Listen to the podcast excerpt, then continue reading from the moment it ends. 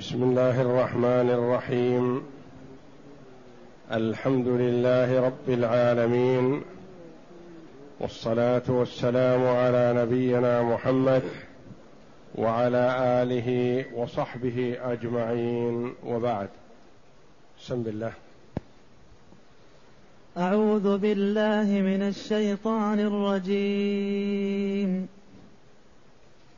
فنظر نظرة في النجوم فقال إني سقيم فتولوا عنه مدبرين. فراغ إلى آلهتهم فقال ألا تأكلون؟ ما لكم لا تنطقون؟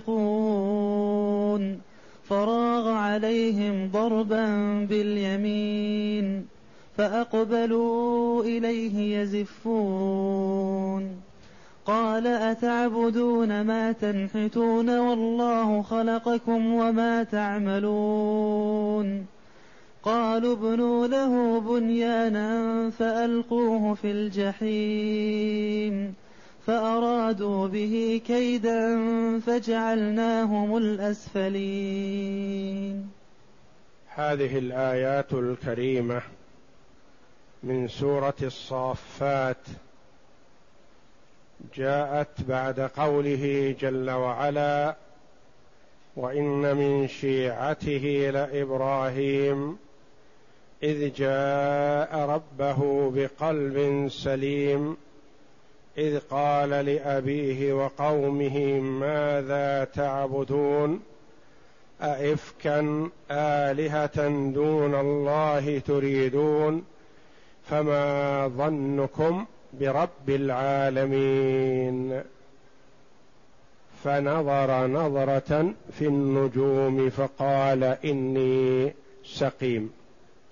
أخبرنا جل وعلا عن إبراهيم عليه السلام وقال وإن من شيعته يعني من شيعة نوح وتقدم لنا أنه بينه وبينه عدد من الأنبياء ولكنه على دينه وعلى عقيدته ودين الأنبياء واحد ودعوتهم لأممهم بأن يعبدوا الله وحده لا شريك له. وبين جل وعلا محاجة إبراهيم لأبيه وقومه قائلا لهم ماذا تعبدون؟ أئفكا آلهة دون الله تريدون؟ فما ظنكم برب العالمين؟ والكلام على هذه الآيات قد سبق. قوله جل وعلا فنظر نظرة في النجوم. فقال إني سقيم. كان لقوم إبراهيم عيد يخرجون إليه وكان من عادتهم إذا خرجوا إلى عيدهم وضعوا عند آلهتهم طعاما من أجل البركة. يعتقدون أن وجود الطعام عند الآلهة تبارك فيه الآلهة. فإذا رجعوا من عيدهم أكلوا هذا الطعام. أو أنهم يتقربون إلى آلهتهم بوضع هذا الطعام من أجل أن تأكله سدنة هذه الأصنام. وكان لهم بيت يقال له بيت الآلهة. فيه الأصنام. فيه اثنان وستون صنما. وهي منوعة. منها ما هو من حجر. ومنها ما هو من خشب. ومنها ما هو من ذهب ومنها ما هو من فضة وهكذا. وأكبرها هو أولها.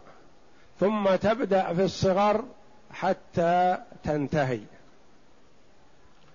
وكان قوم إبراهيم يتعاطون في علم النجوم ويقولون به فطلبوا من إبراهيم عليه السلام أن يخرج معهم إلى عيدهم فأراد عليه السلام أن ينفرد بهذه الآلهة ليعمل فيها ما يطيب خاطره ويرضي ربه ولا يتسنى له ذلك إلا إذا انفرد بها.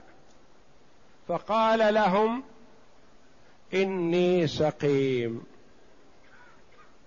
ورد أنه استلقى على ظهره ونظر في السماء وفي النجوم ليريهم كأنه على طريقتهم وعلى اعتقادهم في النجوم. فقال إني سقيم. يعني إذا خرجت معكم ما استطعت المواصلة لأنه سيحصل لي مرض. أو أنه قال إني سقيم مصاب بمرض الطاعون وهم ينفرون من الطاعون ويتشاءمون به ويخافون منه العدوى. فقال إني سقيم بهذا المرض لينفروا منه فلا يجادلوه ولا يخاصموه ولا يؤكدوا عليه بطلب الخروج معهم خشية أن يصيبهم بمرضه فيتأثرون منه بالعدوى. فقال إني سقيم. وورد أنه صلى الله عليه وسلم قال عن إبراهيم إنه ما كذب إلا ثلاث اثنتان في ذات الله حينما قال لهم إني سقيم وحينما قال عن سارة إنها أختي وهي زوجته قال أختي أي أختي في الدين أو فنظر نظرة في النجوم كان عند من سبق أن من نظر في الرأي وتورى فيه وتفرس فيه وأعمل فكره ورأيه يقال نظر في النجوم. وإن لم ينظر في النجوم ولم يعتقد ذلك. أي ينظر ما ينجم عن هذا الأمر وما يترتب عليه فاخترع ورأى أن يتعلل بالمرض من أجل أن يترك فلا يخرج معهم. فنظر نظرة في النجوم فقال إني سقيم فتولوا عنه يعني ذهبوا وتركوه مدبرين. أعطوه الدبر وذهبوا مسرعين. وهذا يقوي قول من قال إنه مصاب إنه ادعى الإصابة بالطاعون ليهربوا عنه لأنهم يخافون من الطاعون خوفا شديدا. فتولوا عنه مدبرين يعني ذهبوا لحاجتهم ولعيدهم وتركوا إبراهيم عليه السلام في بيت الآلهة في بيت الأصنام. فلما تركوه كذلك سنحت له الفرصة وهيئ له الأمر بإذن الله فراغ إلى آلهتهم. راغ يروغ روغا وروغانا. مصدر. إذا مال إلى الشيء مسرعا بخفية واختطاف لهذا الشيء كما يقال راغ الثعلب. وهذا مثل روغان الثعلب يعني اللف والإسراع في الشيء بسرعة. فراغ إلى آلهتهم أقبل عليها مسرعا. لأنها سنحت الفرصة ولا ينبغي أن يفوتها. خلا بالآلهة التي تعبد من دون الله. فراغ إلى آلهتهم يعني التفت إليها ومال إليها وأقبل إليها. فقال ألا تأكلون؟ من يخاطب؟ الآلهة. يقول هذا الطعام بين أيديكم. ألا تأكلون؟ قدم لكم هذا الطعام فكلوه. وهو يعلم عليه الصلاة والسلام أنها شجر أو حجر أو ذهب أو فضة لا يأكل. ولكن للتهكم بهم والسخرية منهم. ألا تأكلون؟ ما لكم لا تنطقون؟ لما لا تجيبون؟ أنا أخاطبكم لماذا لا تردون علي؟ جعلهم كأنهم عقلاء لأنهم يعبدون من دون الله ولا يصح أن يعبد جماد. فلم يجيبوا ولم ينطقوا ولم يتكلموا. فراغ عليهم ضربا باليمين أقبل إليهم مسرعا. يخشى أن تفوته الفرصة. راغ أقبل عليهم ضربا باليمين. ضربا باليمين. يعني باليد اليمنى. لأنها أقوى ضربا من اليد اليسرى. أو ضربا باليمين بالقوة. لأنها لأن اليمين اليد اليمين واليمين يطلق عليها قوة والشمال يطلق عليها الضعف. يعني أقبل عليهم ضربا بقوة لأنها أعداء له وتهيأت له الفرصة في الانتقام من هذه الآلهة. فأقبل عليه فراغ عليهم باليمين أو فراغ عليهم ينفذ ما حلف عليه يمينا. لأنه حلف يمينا بالله وتالله لأكيدن أصنامكم بعد أن تولوا مدبرين. فراغ عليهم ضربا ليحقق ما حلف عليه يمينا. فراغ عليهم ضربا باليمين يعني موفيا بيمينه أو باليمين بالعدل لأن اليمين تطلق على العدل والشمال تطلق على الجور والظلم. وضرب هذه الآلهة عدل وحق. لأنها معبودة من دون الله أو مع الله وهي لا تستحق ذلك. فضربها عدل وإعزازها وتكريمها جور وظلم. فأقبلوا إليه يزفون. أقبل إليه عبدة تلك الأصنام. جاءوا فرأوها فرأوها مكسرة كما هو موضح في آيات كثيرة ومن أكثرها تفصيلا الآيات التي في سورة الأنبياء. فاستغربوا ذلك أنهم يعبدونها ويكرمونها ويتقربون إليها وإبراهيم يكسرها. فأقبلوا إليه يزفون. الحال أنهم يزفون. وقرأها الجمهور جمهور القراء يزفون.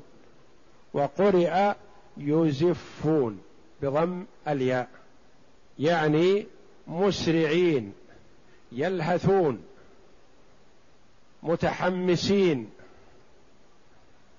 من أجل الانتقام من إبراهيم عليه السلام. قال الزجاج الزفيف أول عدو النعام. وقال قتادة والسدي معنى يزفون يمشون.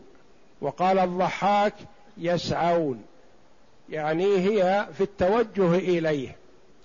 وقال يحيى بن سلام يرعدون غضبا.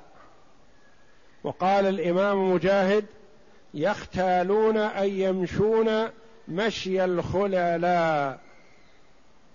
يعني كل هذا رغبة منهم في الإسراع في الانتقام من إبراهيم عليه السلام. فلما أقبلوا إليه يريدون الانتقام منه توجه رضي الله عليه السلام في إلى عتابهم وإلى توبيخهم. وعدم المبالاة بهم وبآلهتهم. ليس خائفا ولا وجلا مع حرصهم ورغبتهم الشديدة في الانتقام منه وهم جمع وهو واحد. لكنه متوكل على الله جل وعلا. قال لهم أتعبدون ما تنحتون؟ كأنه لم ينكر أنه كسرها لأنه شوهد على ذلك ولكن أراد أن يبكتهم ويوبخهم لعبادة شيء يصنعونه هم بأنفسهم. أتعبدون ما تنحتون؟ يعني شيء أنتم تصنعونه تعبدونه. ومعناه أن أصلها غير معبود. متى صارت معبودة؟ بسبب صنيعكم. يعني أصلها قد يكون خشبة أو حديدة أو ذهب أو فضة. مادة من هذه المواد التي لا تستحق شيئا من التكريم. ثم لما هيئت وخففت وأخذ من بعض جهاتها صارت معبودة. فهل يليق بكم أن تعبدوا شيئا أنتم صنعتموه؟ المعبود هو الخالق هو الصانع هو الموجد. أما شيء أنتم أوجدتموه فلا يستحق شيئا من العبادة. أتعبدون ما تنحتون؟ أتعبدون ما تنحتون؟ الشيء الذي تصنعونه. والنحت معلوم من نوع البري والتهيئة للشيء. يكون خشبة كبيرة خام فيستخرج منها جزء يحسن يدخل فيه تحسينات ويؤخذ من أطرافه فيكون على نظرهم مهيأ لأن يعبد. والله خلقكم وما تعملون. ما الذي صرف عقولكم؟ وما الذي أعمى بصائركم؟ تنصرفون عن عبادة الله الذي خلقكم وأوجدكم وخلق أعمالكم وأفعالكم إلى أن تعبدوا شيئا أنتم أوجدتموه أنتم صنعتموه. والله خلقكم أوجدكم من العدم إلى الوجود. وما تعملون؟ ما هذه يصح أن تكون موصولة بمعنى والذي تعملون. ويصح أن تكون مصدرية. والله خلقكم وعملكم. وما تعملون وعملكم. ويصح أن تكون موصوفة. والله خلقكم والشيء الذي صنعتموه وأوجدتموه أو عملتموه. ويصح أن تكون نافية. والله خلقكم وما نافية. ما تعملون أنتم ما تعملون شيئا. فهو عليه السلام بكتهم ووبخهم ولامهم على ذلك. فلا حجة لهم. ولا يستطيعوا أن يردوا عليه. لجأوا إلى ما يلجأ فيه الظلمة والفراعنة من العذاب والتوعد. والمفروض في المجادلة والمخاصمة أن كلا يبين ما عنده. ويبين حجته. فإذا ظهر غلبة حجة على حجة أخذ بها. لكن سبيل الظلمة ليس كذلك. فهم إذا لم يكن لهم حجة توعدوا بالانتقام. كما فعل فرعون اللعين مع موسى عليه السلام. في قوله لأجعلنك من المسجونين.